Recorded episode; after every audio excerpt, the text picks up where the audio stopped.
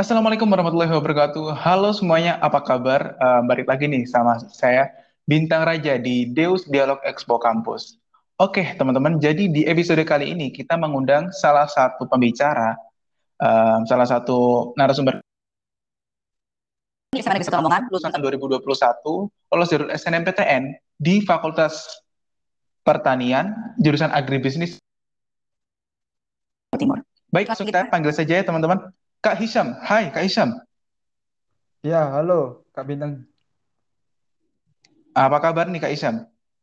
Ya, kabar saya baik-baik saja. Alhamdulillah. Oke, for your information aja nih teman-teman. Jadi Kak Isyam ini sekarang jadi ketua pelaksana dari acara Expo Kampus. Wah, luar biasa. Jadi teman-teman bisa mengikuti Expo Kampus ini ya, karena ada Kak Isyam. Oke Kak Isyam, langsung saja ya, langsung diceritakan perjuangan dari awal lulus SMA sampai akhirnya bisa diterima di em, Fakultas Pertanian jurusan Agribisnis UPN Veteran Jawa Timur. Silahkan Kak Isyam. Iya, mulai dari perjalanan saya waktu SMA dulu itu itu ya penuh banyak rintangan sih. Jadi pas waktu saya kelas 10, kelas sam- sampai kelas 11 itu saya itu mi- memilih condong ke ekstra maupun organisasi. Jadi pas, pas waktu saya kelas 10 itu saya sering di Paskib. Terus pas terus pas kelas 12, kelas 11 itu saya ditarik ke OSIS dan juga Paskib juga. Jadi peng- pengurus OSIS sekalipun pengurus organisasi di Ekstra Paskib Paskibra itu sendiri. Dan di sana saya juga memangkul tanggung jawab yang cukup beresiko di OSISnya, yaitu sebagai bendahara umum yang paling susah lah untuk keuangannya itu. Jadi Ya, oke, benar-benar. untuk keuangan sendiri itu yang merekap saya dan teman saya teman teman saya wakil saya itu. Di situ pun banyak kegiatan-kegiatan yang tidak bisa saya saya lalui karena sudah kewajiban saya sebagai OSIS. Jadi pas waktu saya waktu ada pembelajaran itu saya sering dispen, sering rapat. Jadi seperti itulah kehidupan saya di waktu SMA. Nah, Oke, berarti Kak Isyam ini walaupun lolos SNMPTN, tapi sebenarnya sibuk banget ya, nggak harus nggak fokus banget ke pelajaran. Karena mungkin seperti yang teman-teman tahu, mungkin teman-teman kalau dengar orang yang bisa lolos SNMPTN itu kebanyakan mungkin yang em, fokus di pelajaran, fokus di ulangan, fokus di ngerjain tugas. Ternyata enggak, teman-teman. Em, ikut organisasi pun bisa lolos ya, Kak ya? Iya, benar sekali bisa lolos. Hmm, oke. Em, Kak Hisham kok bisa em, lolos SNMPTN walaupun dengan banyaknya jadwal itu gimana sih Kak? Ya, saya nggak tahu kalau saya itu bisa masuk di 40 siswa 40% itu yang sebut eligible itu. Saya saya pun nggak habis pikir itu. Kok saya ini Hmm, sering dispen, kok masuk di eligible gitu. Iya iya Guru-guru pun kaget, apalagi Bu Nur yang yang anti sama dispen itu. iya iya Itu benar. kaget kalau saya bisa masuk eligible. Dia, alhamdulillah. Terus pas, pas waktu itu saya mem- memanfaatkan memanfaatkan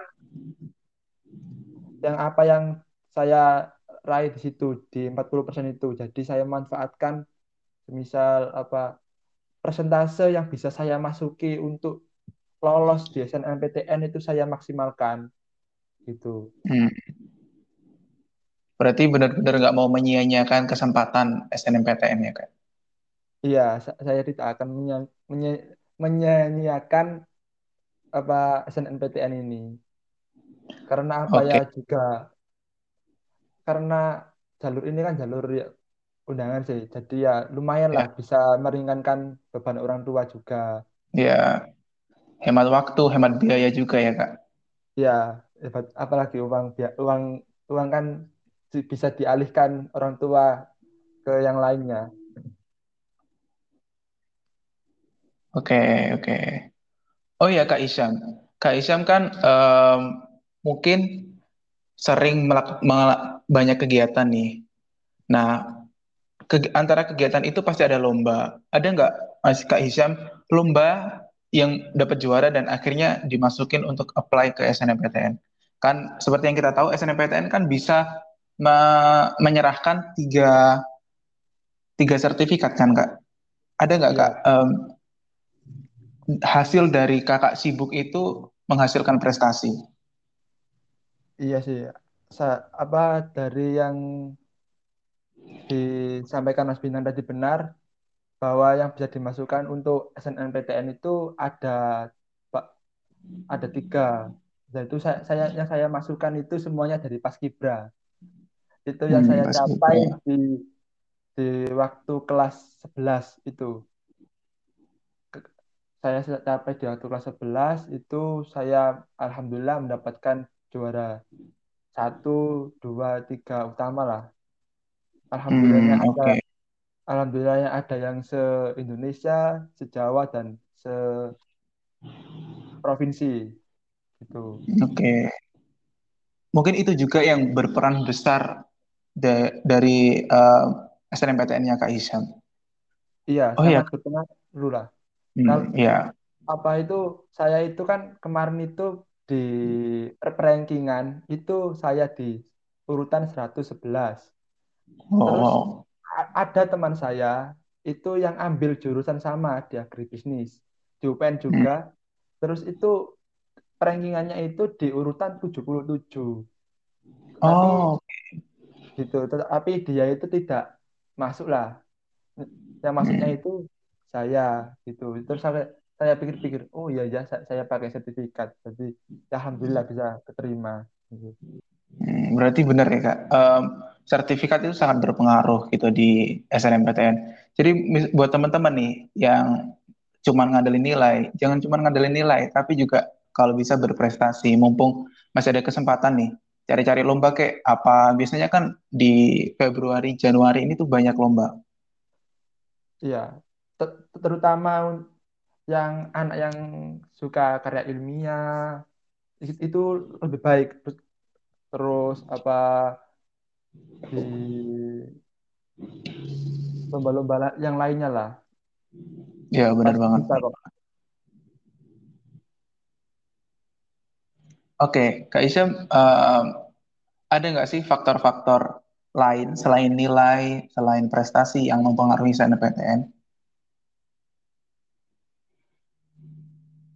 Menurutku sih faktor-faktornya itu ya pe- pe- pemilihan jurusan sih, Pe- pemilihan Hmm, jurusan, terus apa pa- apa itu univ yang dimasuki itu kan juga berpengaruh terhadap apa yang kita pilih dan bisa lolosnya apa enggaknya gitu. Kalau kalau saya kalau saya sendiri itu lebih baik saya cari aman lah. Saya bisa Oke, masuk walaupun univnya ya bagus ya tapi nggak begitu terkenal di mata orang lain. Yang mungkin yang terkenal di kalangan orang yang Brawijaya, UNER, UGM, UI dan lainnya kan seperti itu kan. Tapi saya Iya. Bismillah saya taruh sini bi- biar masuk gitu. Hmm, oke.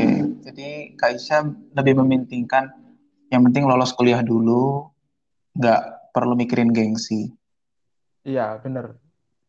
Jangan mikirin gengsi kalau soal universitas karena kesuksesan kesuksesan orang lain bukan dari universitas maupun nilai maupun dengan orangnya itu sendiri mau bekerja keras atau enggaknya itu.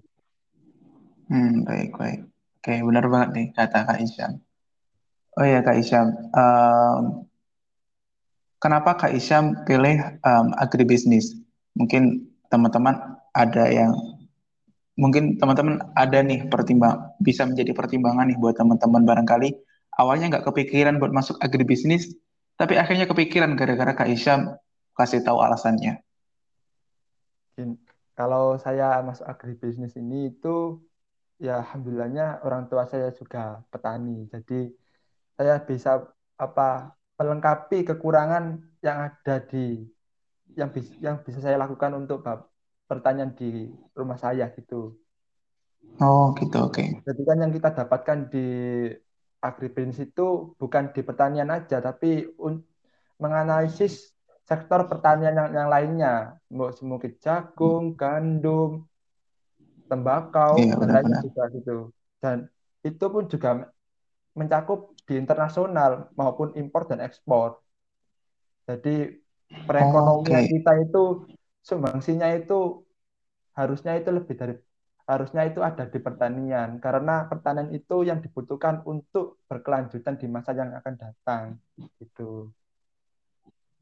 Karena kan ki- kita benar-benar. makan kita makan kan butuh beras, eh butuh ya beras, nasi lah. Ya, Nah, ya.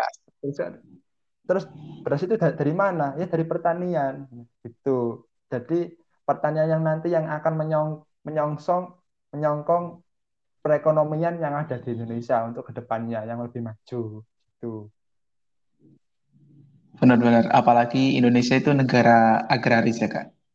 Negara yang benar sekali. em, mayoritas penduduknya itu em, bertani dan juga em, banyak sekali yang mengandalkan hasil alam. Oke, Kak Ihsan, em, ada nggak sesuatu yang mau disampaikan nih buat adik-adiknya em, untuk bisa lolos ke SNMPTN? Semangat, motivasi, atau apa gitu?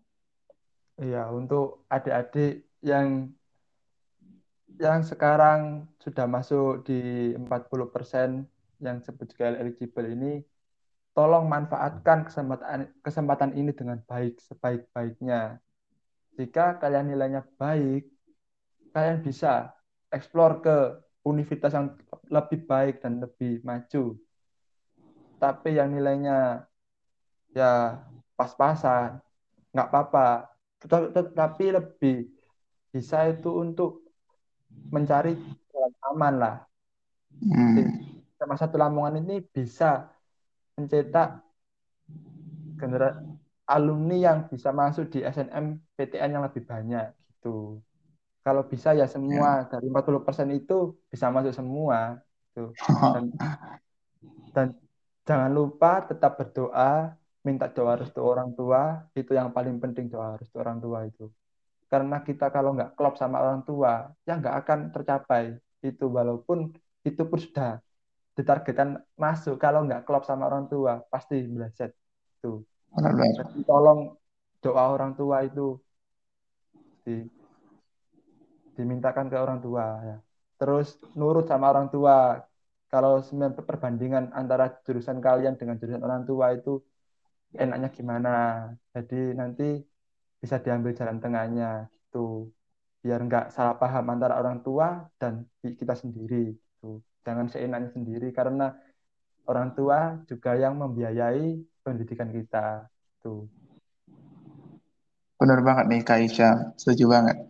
Karena emang komunikasi dengan orang tua itu sangat penting, apalagi menyangkut dengan dunia perkuliahan, menyangkut dengan jurusan, menyangkut dengan masa depan.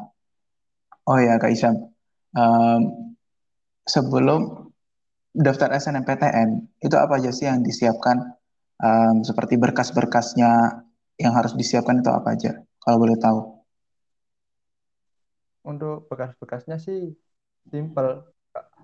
Cuma apa ya, nilai-nilai di rapot, terus apa itu masukkan sertifikat gitu aja ter- terus pilih pi- pilih univ nomor satu siapa terus nomor pilihan duanya apa itu udah Hmm, Oke, berarti terus emang simpel banget. iya simpel banget ya. Em, Oke, Em, sepertinya sudah cukup ya Kak Isam.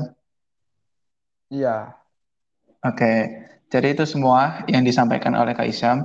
Kalau bisa diambil kesimpulan, bahwasannya teman-teman nggak usah mentingin gengsi, nggak usah nggak usah gimana-gimana. Pokoknya kuliah atau barangkali teman-teman punya orang tua yang emang memaksa teman-teman atau menuntut atau meminta teman-teman buat masuk ke kuliah yang bergengsi ya nggak apa-apa kalau selagi itu teman-teman mampu.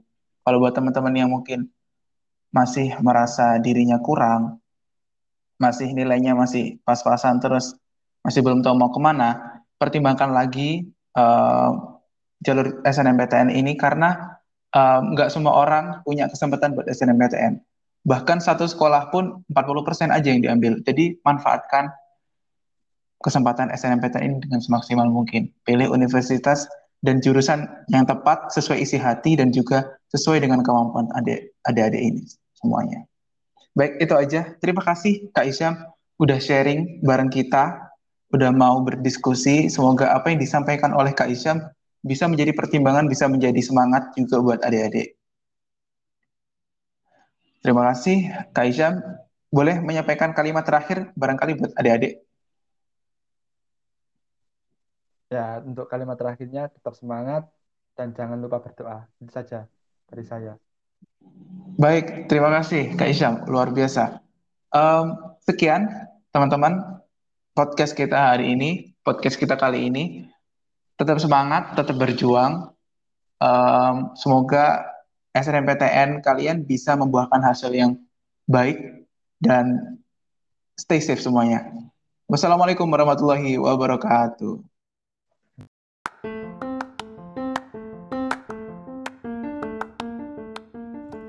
Terima kasih telah mendengarkan podcast Dialog Expo Kampus. Saya Bintang Raja, pamit undur diri. Sampai jumpa di episode selanjutnya.